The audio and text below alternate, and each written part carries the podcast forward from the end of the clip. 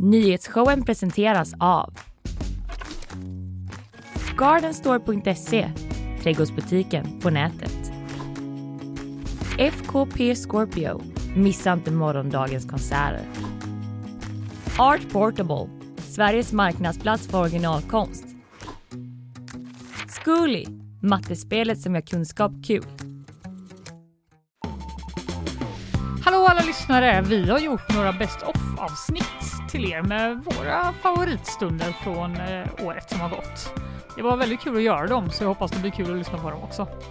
Vi har ju lite uppehåll, vi är tillbaka i slutet av augusti och på Way Out West där vi sänder live. Så ta hand om er så hörs vi snart igen.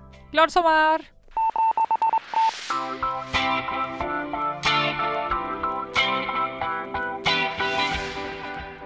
Nu kan världens äldsta måltid ha hittats och den ska vara tillagad av neandertalare. Jag är på Mm. DN och läser. Vad tror du att eh, neandertalare kan ha lagat för gott? Om du ska känna efter. Jag ska ha en liten pale, pejla in mig på Mm. neandertalar-mindsetet så tänker jag väl mig att det kanske är någon sån eh, Gröt Ja, kanske. någon gröt. Nej, jag, jag, det första jag tänkte på var ju att de liksom bara grillat något jävla över öppen eld, något djur. Men det kanske inte är det första man gör. Nej, Stekt rådjur ja, på. jättebra gissning. eh, Halvnöjd. vi kommer då- till vad det är om Ja. en liten stund. Men eh, det är alltså eh, rester då av vad som tros vara världens äldsta tillredda måltid som har hittats i en grotta i norra Irak. Varför ser jag bara så en tallriksmodell framför mig? Du vet att de har så lite knäckebröd, så rivna morötter, bambastämning. Du liksom. ser den väldigt välbevarad också känns det som. Ja, typ Ja. att den är överplastad så. De på ett flygplan nästan. Så ser jag det Ja, framför mig. det. det är felaktigt. Vakuumförpackad. En felaktig bild jag har. Ja, det är det faktiskt. Berätta om den Mm. eh, rättaktiga. Eh, jo, det här fyndet då, det tyder på att eh, de var mer kultiverade än man har trott. Riktiga Mm. gourmeter. Ah, menar forskarna. Skriver nu DN. undrar jag Mm, om jag de undrar också överdriver det. lite där borta på För, DN. ja, Säljer den här artikeln Mm. lite väl. ja, för vet du vad det var de hade lagat? Nej, En slags pannkaka med tunnbröd. okej. Bröd Ja, och pannkaka. mm, inte gourmet-style men Jag skulle inte kalla mig lite... själv gourmetperson och det här kan jag laga. Nej, just det. Välkommen hem Så till en gourmetmåltid hos Linnea Rönnqvist. Det är Mm, bröd och pannkakor. Det blir bröd och pannkaka. Fan vad gott ändå. En gång serverade jag bara potatisgratäng utan någonting till. Jättegott. Hade du gjort den själv eller var det Ja. sån tjoff tjoff? Nej, den gör jag Ja. själv. Det är en släkttradition. Ja, inte helt dumt. Nej. DN helt jävla golvade. Krogguiden bara så fem plus gourmet. Vilken otrolig upplevelse kulinariskt.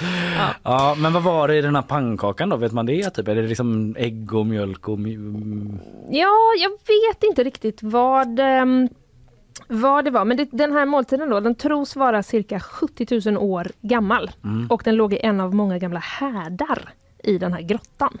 Okej. Så det är väl... eh, Här det är någon sorts grav. Är det det? Jag fick för mig att det var någon slags typ Nej. Ja, urgröpning ja, ja, som man har liksom använt för att Typ göra någon någonting. Ugn.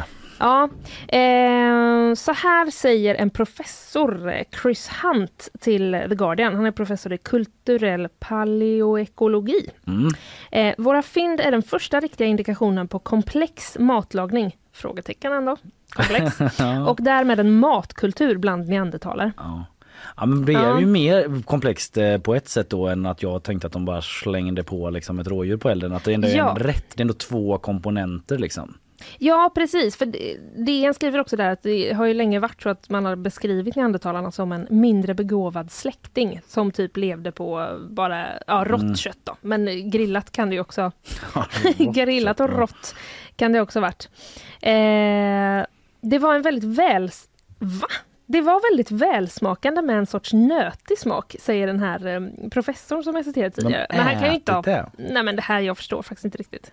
Har de återskapat den då? Eller för han kan inte liksom Eh. ja, bara... det Mm. måste... Ja, precis. De har försökt återskapa den. Ja, just det. Så är det.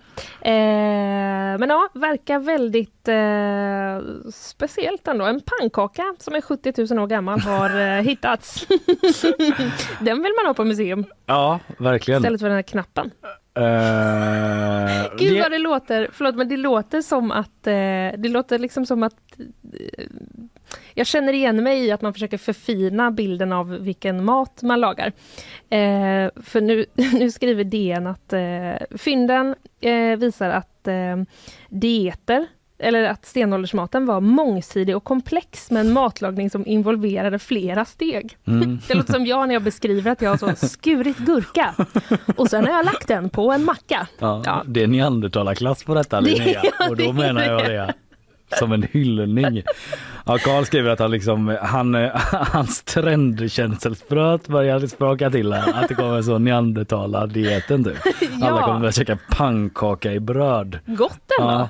Och kanske typ Kanske operera sina käkpartier som man ser ut som en riktig jävla neandertalare. Det är ju ändå lite återupprättelsens tid för neandertalare känner jag. Ja, Ja, så här, att de var lite smartare än vad man trodde. De befruktar sig med oss vanlisar. Det var ju också någon nyhet som kom för ett tag sedan. Ja, Mm. och de eh, kan laga pannkaka. Pannkaka kan de göra. Det blir dejt.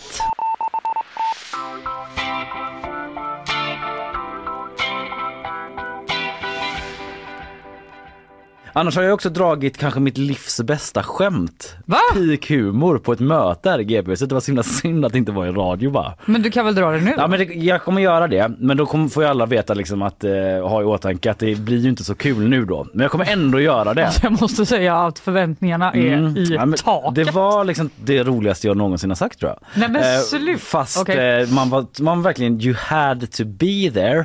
Men jag kommer ändå dra det för er som inte var där nu. Okej. Och då var det så här att vi hade möte med kulturen där för eh, kulturredaktionen för att spåna lite idéer och då var det eh, eh, TF-chefen där borta, Karl Moberg, som berättade att de har en serie av kockporträtt nu som de gör. Alltså lite Mhm. Just vad man har på gång och sådär. De sett. porträtterar olika eh, kockar då.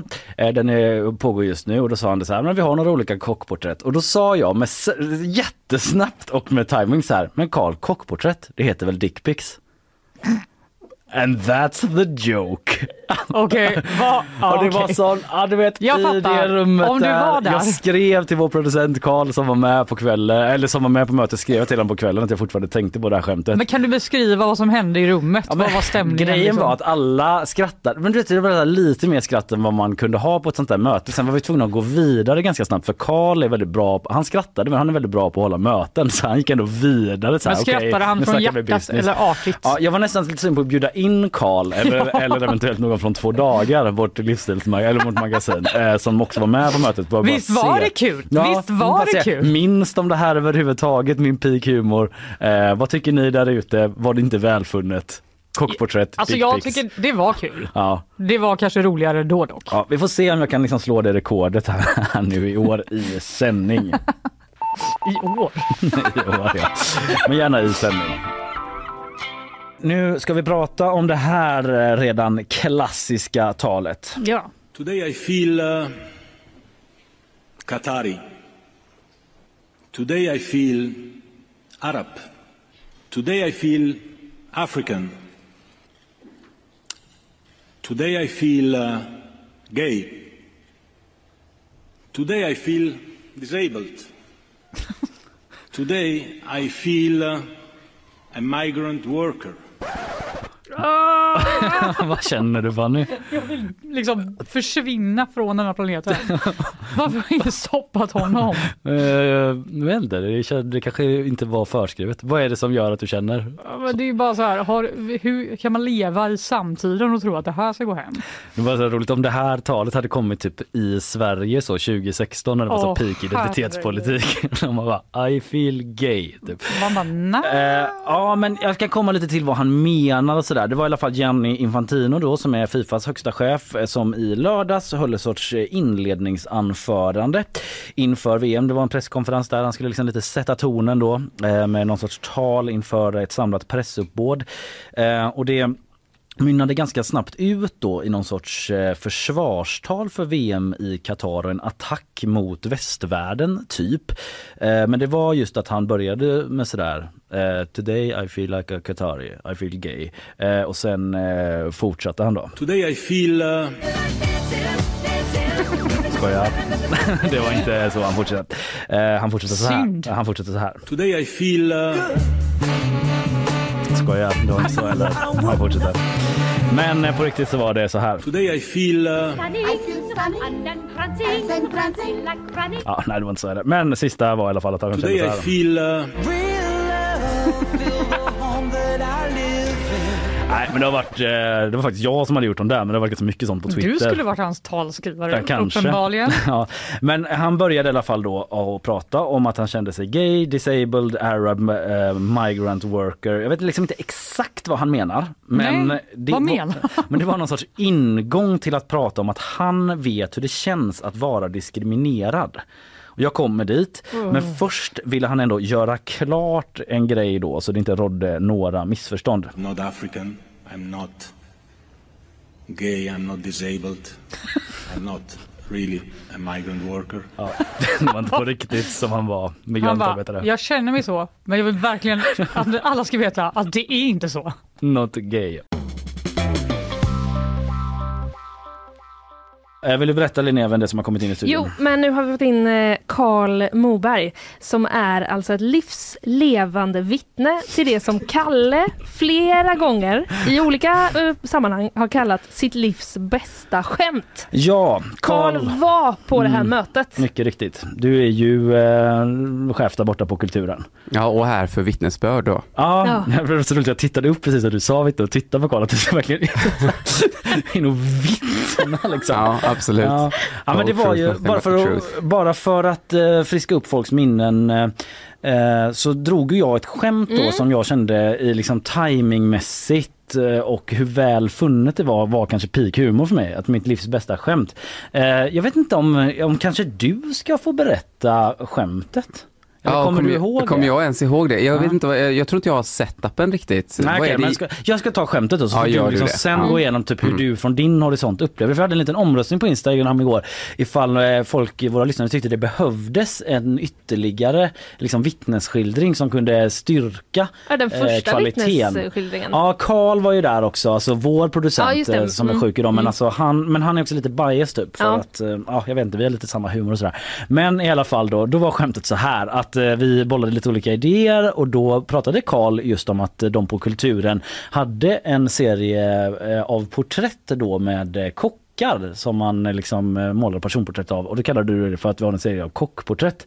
Och då med timing och väl funnet sa jag, men Karl vänta lite nu, heter det inte dickpics? Ja. Och så fick alla tänka någon halv sekund, så bara kockporträtt, dickpics. Ja det blir liksom så. Och så blev det lite skratt. Men sen så som jag sa det så var ju du eh, skicklig på att hålla i möten så du liksom gick ändå ganska snabbt vidare liksom. För att eh, vi är ändå en tidning som försöker bedriva liksom business här. Men med det sagt, hur upplevde du det här Karl? Ja, för för dig så, så liksom rämnar någonstans världen i det här läget och du känner bara, åh herregud. Nej, för jag, jag har också stämt av med kollegorna, alla andra som med. För jag tänker liksom, vad kände jag och vad kände de? Det behöver inte nödvändigtvis vara samma. Vad gediget arbete. Ja, Bra, nej, men det är klart, någon typ av research måste göras när vi ska prata om den här typen av väsentligheter. Eh, nej, och det jag kommer fram till är väl att folk tycker att det är ett helt okej skämt. Och det är väl egentligen det värsta som kan hända nu. Det är inte så att någon tyckte att det var jättedåligt eller kanonbra, utan ja, det var ju ett, ett bra skämt. Vi landar ändå Ja. där på ett, på ett okej. Ja, men jag och Ulf Rosvald som alltså är redaktör på Två dagar, vi konstaterade ändå att det är en skicklig ordvits. Ja, Ja. ni kunde ändå liksom i, även i efterhand uppskatta hantverket. Hantverket är gott och, och jag tycker att jag bidrog ju någonstans med min sån här, oj, ah, nej men Kalle, Ja, alltså sådär som man måste göra på en ordvits. Ja. Men det som är så fascinerande med det som händer just nu, det är ju att du ju någonstans bryter ett helt självklart tabu. Du gör ju det ingen får göra. Alltså, och fram, man får ju aldrig liksom dra sina skämt igen. Och Nej. framförallt med ordvitsar. Det är, ju liksom, det är ju fullständigt vansinne det här. Eh, på något vänster. Ja. Med det sagt, ett skickligt hantverk. Ja. Och eh, jag tycker absolut du kan vara stolt över det. Det tycker jag verkligen. Mm. men det- Jag måste bara säga, Mm. förlåt, att jag är lite chockad över eh, hur, hur mycket vi hur drar det här skämtet. Typ. Hur många gånger vi drar det? Nej men, nej, men liksom hur mycket vi pratar om det. Ja men Alltså, det har ju nästan det- liksom blivit journalistik nu. Men Skämtjournalistik. när, du, eh, när du berättade det för eh, mig första gången så Mm. var det som att eh, du var så himla nöjd för att Mm. jag hade inte hört det, jag hade inte varit där och så Nej. var det liksom så, nu kommer det en ny. Och sen efter det så har jag ju sett hur du har berättat för andra personer Mm. för första gången skämtet också. Ja, ja. Alltså typ, det är, ja, om jag också får recensera skämtet, Mm. även om jag inte var i stunden, Nej. så ty, jag tycker också att det är... Eh, det är Väl liksom- funnet. Det är väl funnet, Ja. det är snabbtänkt. Ja. Eh, så du får liksom eh, bra för det. Men liksom, du har ju absolut sagt roligare grejer. Ja men alltså det är Det det, att det är så svårt att mäta timing och välfunnenhet så jag vill ändå, jag liksom vidhåller att det är i alla fall topp tre det roligaste jag har sagt. Ja men det, det var punchigt det där och då. Jag tycker också någonstans att man måste få lov att prata lite om den här situationen som också uppstår av att man så gärna vill göra detta som du nu gör då Mm, offentligt mm. inför massa människor. Alltså det här att man berättar skämtet igen för någon ny och någon ny och Ja. det är så vanligt att man hamnar där ändå. Mm. Och så har man kanske så sin bästa kompis eller partner eller någonting bredvid Mm. sig som nu har hört skämtet Ja. tre gånger. Linnea Då känner man det igen sig. Linnea då. Ja, ja, men jag tänker att det, är visst, det är ju ett tabu och jag uppmuntrar liksom inte att folk ska fortsätta där att liksom på den här nivån eh, kanske starta olika poddar för att analysera sina skämt och bjuda in folk och sådär. Jag uppmuntrar inte det. Men jag tycker ändå att vi har gjort någonting här idag. en, gran, en granskning, vi har gått till botten med ett skämt. Vi har fått olika perspektiv. Vi, vi har liksom närskådat det, särskådat det. Så eh, någonting har vi gjort här Det idag. en, En kulturgärning. Ja, en kultur, liksom, diskussion har vi haft. Ja. Det är väl ändå fint att ta Precis. det. Jag tror att det är med detta vi sätter punkt för skämthistorien. Ja. Det började i måndags, nu är vi mål, det är fredag. Men vi kanske öppnar upp för diskussion på vår eh, välbesökta Instagram Jag tänker lite så sida. här, skicka in eh, era absolut bästa skämt eh, någonsin på vår, eh, på Ja, vår jo men Kanske det men också liksom, eh, ja, delta i diskussionen. Ja. Ja. jag har ingen jättebra liksom, uppmaning så men eh, vi får se vad vi hittar på efter. Du Karl, du ska ha tusen tack för att du kom hit. Det var verkligen det. Stort, eh, Verkligen. stort tack. Vi går vidare Karl, eh, gå tillbaka till kulturen med dig.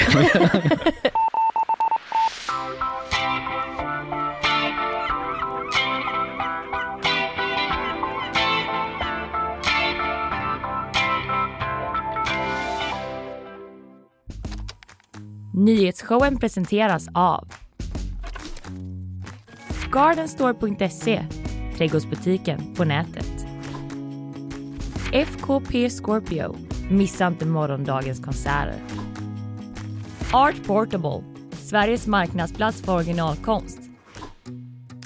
Zcooly, mattespelet som gör kunskap kul. Jag tar för mig och börjar. Ja men snälla gör det. Mm, vi ska till Disneyland i Kalifornien. Eh, där har nämligen en eh, eldsprutande drake fattat eld. Hatar när det händer. Mm, ja. Och not in a good way alltså. Nej, exakt. Eh, det verkar då som att eh, det kanske fanns liksom någon form av minield var meningen. Eh, verkar det då eftersom det verkar vara en eldsprutande Det är drake. alltid så det börjar. Det var Det- meningen med någon form av liten minield och sen brann allt ner. Wä, wä, wä. Ja, det är exakt så det är.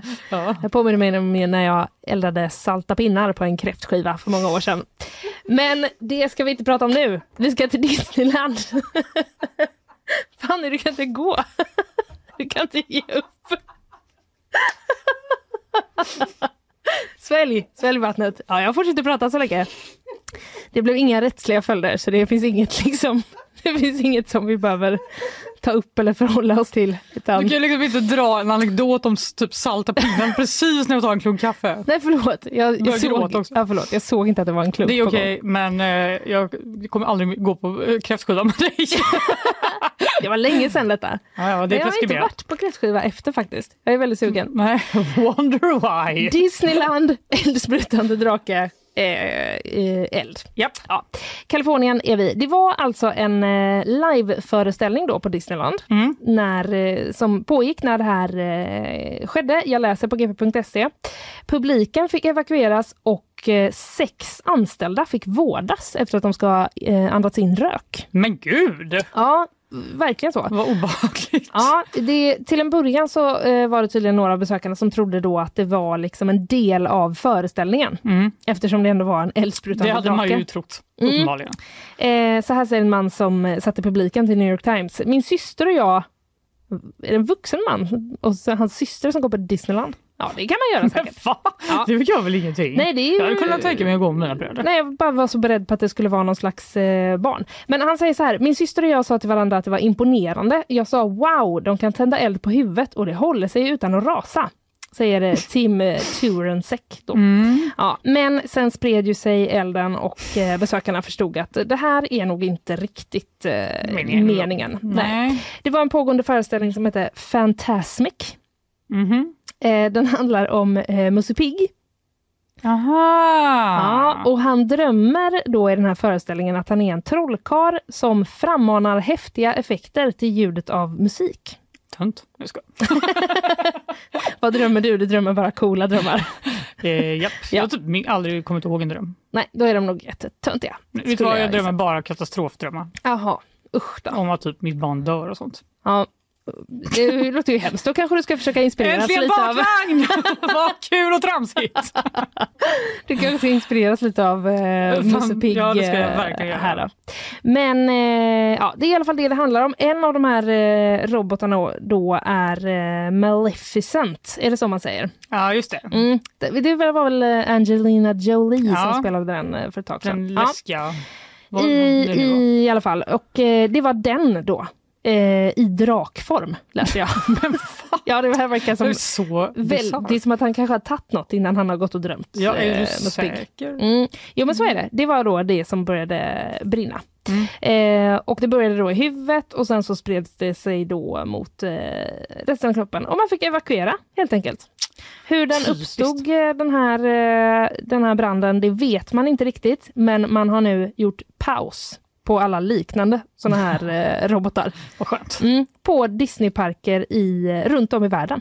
Oj! Ja, så inte bara på den här. Ja, ja, det kan vara något, eh, något liksom Det kan vara något vi, kanske något virus som Eller så går är mellan det mänskliga faktorn som Friends sa. Det kan det också vara. Mm. Det, jag läser också här att en Maleficent-drake har en gång tidigare fattat eld under en parad 2018 på Disney World i Florida. Jaha. Det kanske är att man inte kan kontrollera deras magi.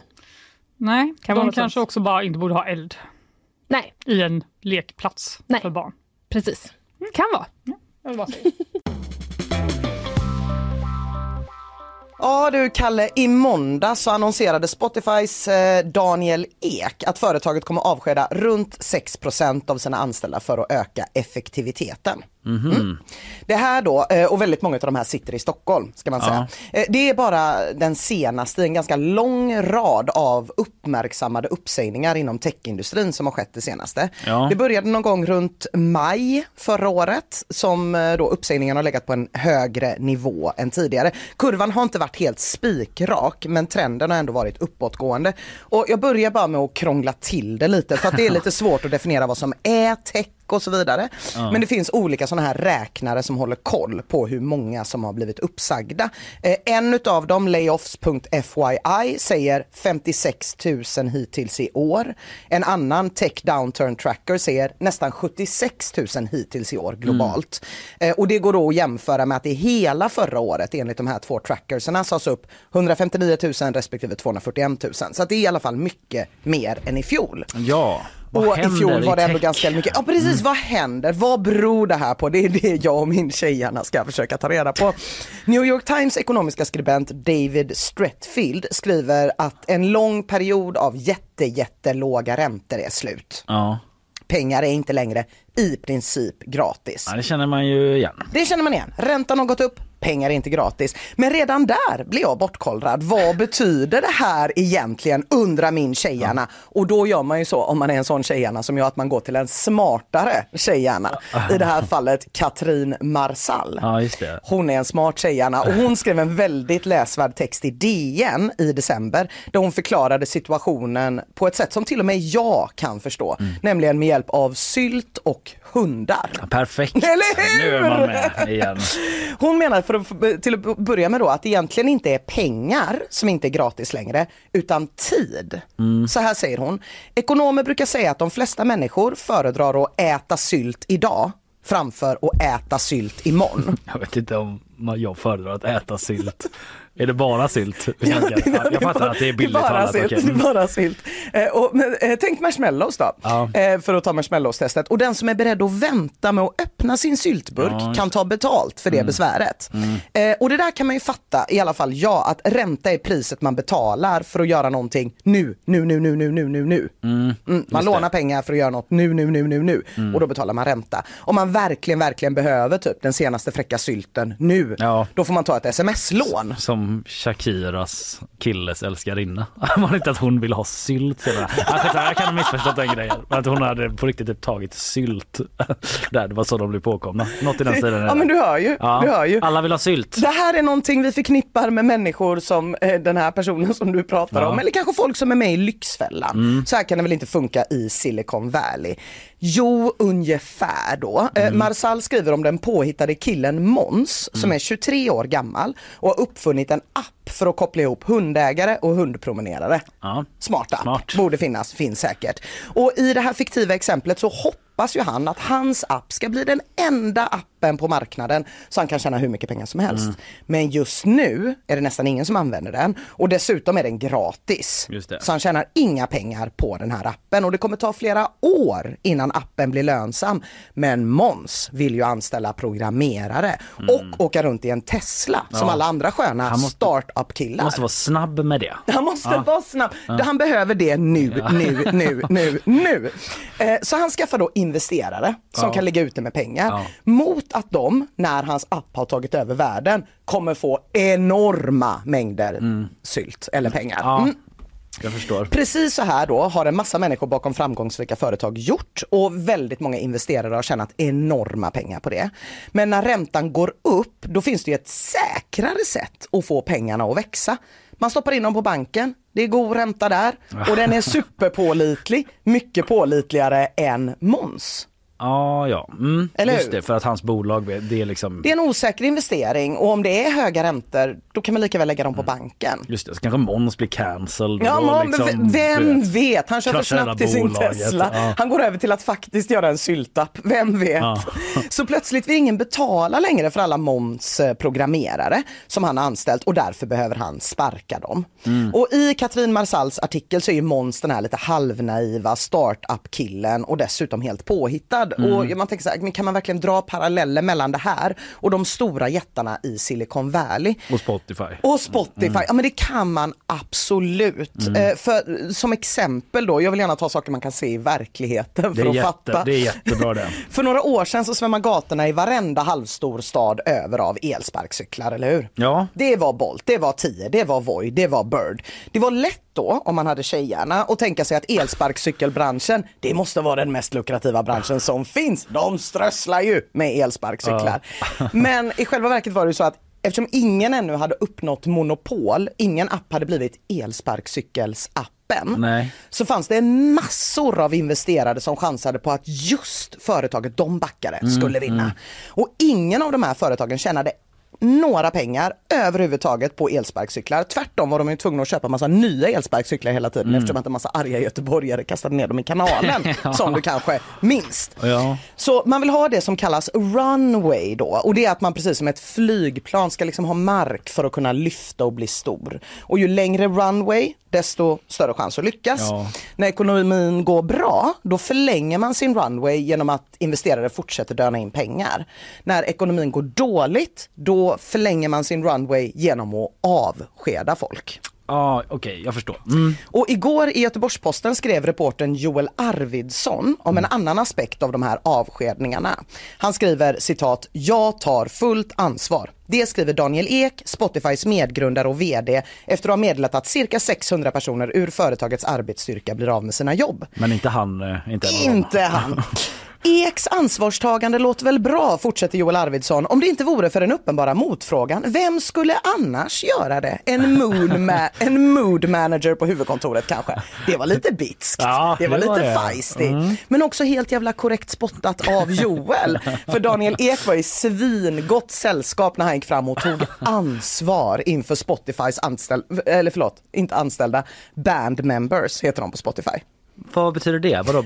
Jaha, jag ba- alltså som att de är medlemmar i ett band? Mm, alltså inom tech så är det inte så att man bara är en helt vanlig standardanställd utan man är alltid någonting mer. Så Spotifys anställda heter band Ja, members. för att de sysslar med musik typ. Ja, precis. Jag vet har inte. alltså 5000 trummisar, Ja. 2000 basister och... Och det är alltid basisterna som får gå Ja. först. Eh, jag vet inte vad vi ska kallas på nyhetsshowen om vi ska hänga med i det här. Nosy Chosy, Nosy Choosies. choosies. Men då måste vi, för de är band members, då måste, vi kan inte bara vara så journalister eller Nej, nej, nej, nej, nej, nej. New shows. New shoes. Ja, jag vet Ja, inte. Det låter Skicka äckligt förslag. hur man än gör. Mm. Men hur som helst så tar vi en titt på vad några andra tech-VDs har sagt då. Mm. Sundar Pichai som är VD för en Google-avdelning sa hej då till 12 000 Googlers, det är inte jättefyndigt, med orden jag tar fullt ansvar för besluten som har lett oss hit. Det är också roligt att de heter, kallas googlers då som att de sitter där och googlar Ja, massa saker. precis, det är Att det är det man gör på Google. Det är jättedumt. De, jag fattar inte att de inte har kommit på något bättre. Nej. Men kanske att du mer gillar Mark Zuckerberg då, som sa upp 11 000 metamates genom att säga det här gjorde jag fel Meet och jag tar ansvar för det. låter ju som ett annan app. Att man ska liksom meet a mate. Ja, du vet såhär Ja. Tinder för kompisar. Ja, verkligen. Också en idé. Väl varsågoda lyssnarna. Finns, finns ju såklart säkert. Ja, Mm. nej, men de har bett om ursäkt allihopa. Eh, Elon Musk då bad ju självklart inte om ursäkt när han sparkade ungefär hälften av Twitters tweeps. Han var lite mer typ så, dra åt helvete. Precis. Eller ja, snarare skicka fram den förre CEOn Jack Dorsey Aha. som fick göra det istället. Och han sa, jag förstår att många är arga på mig. Eh, det är mitt ansvar, Jack Dorsey då, att vi har hamnat i den här situationen. Jag lät företaget växa för snabbt och jag ber om ursäkt för det. Det där låter tycker jag som en sån här kinesisk låtsasrättegång. Typ att han ska stå där och be om ursäkt. Det är fan deppigt. Och man behöver lite variation och som tur är så finns det vd som kör en annan strategi. Andy Jesse sparkade 18 000 18 000 Amazonians och sa ungefär eh, förkortat då till er som får sluta, tack för ert jobb. Verkligen tack.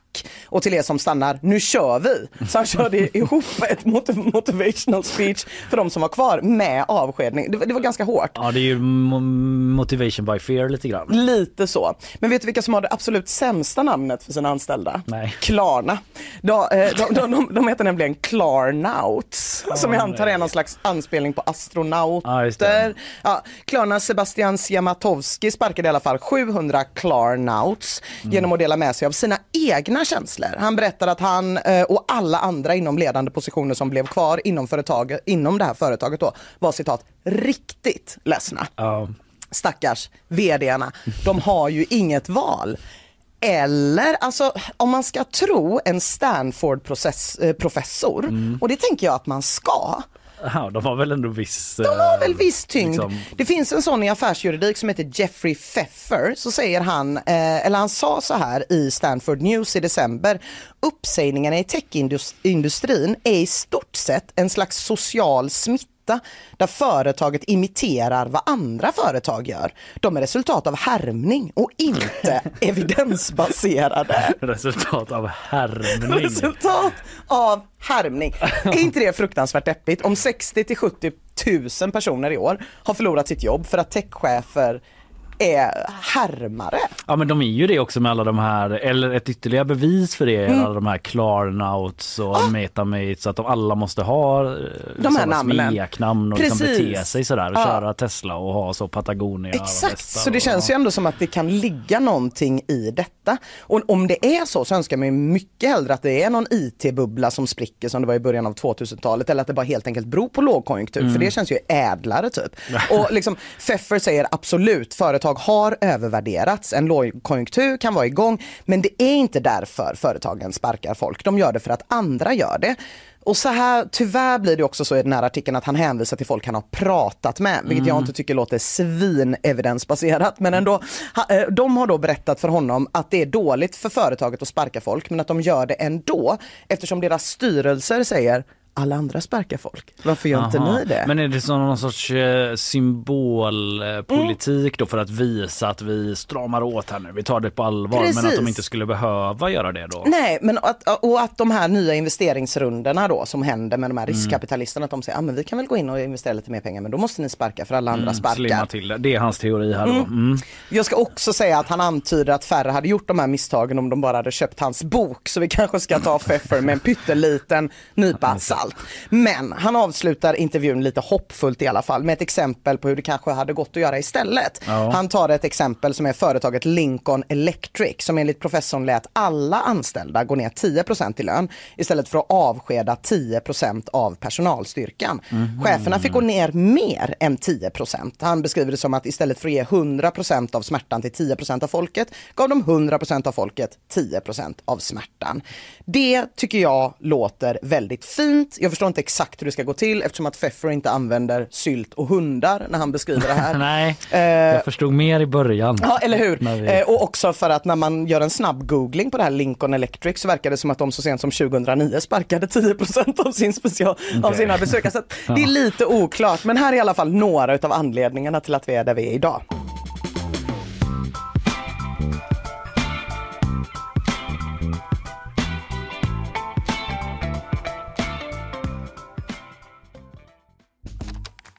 Nyhetsshowen presenteras av Gardenstore.se, trädgårdsbutiken på nätet. FKP Scorpio, missa inte morgondagens konserter. Art Portable, Sveriges marknadsplats för originalkonst. Zcooly, mattespelet som gör kunskap kul.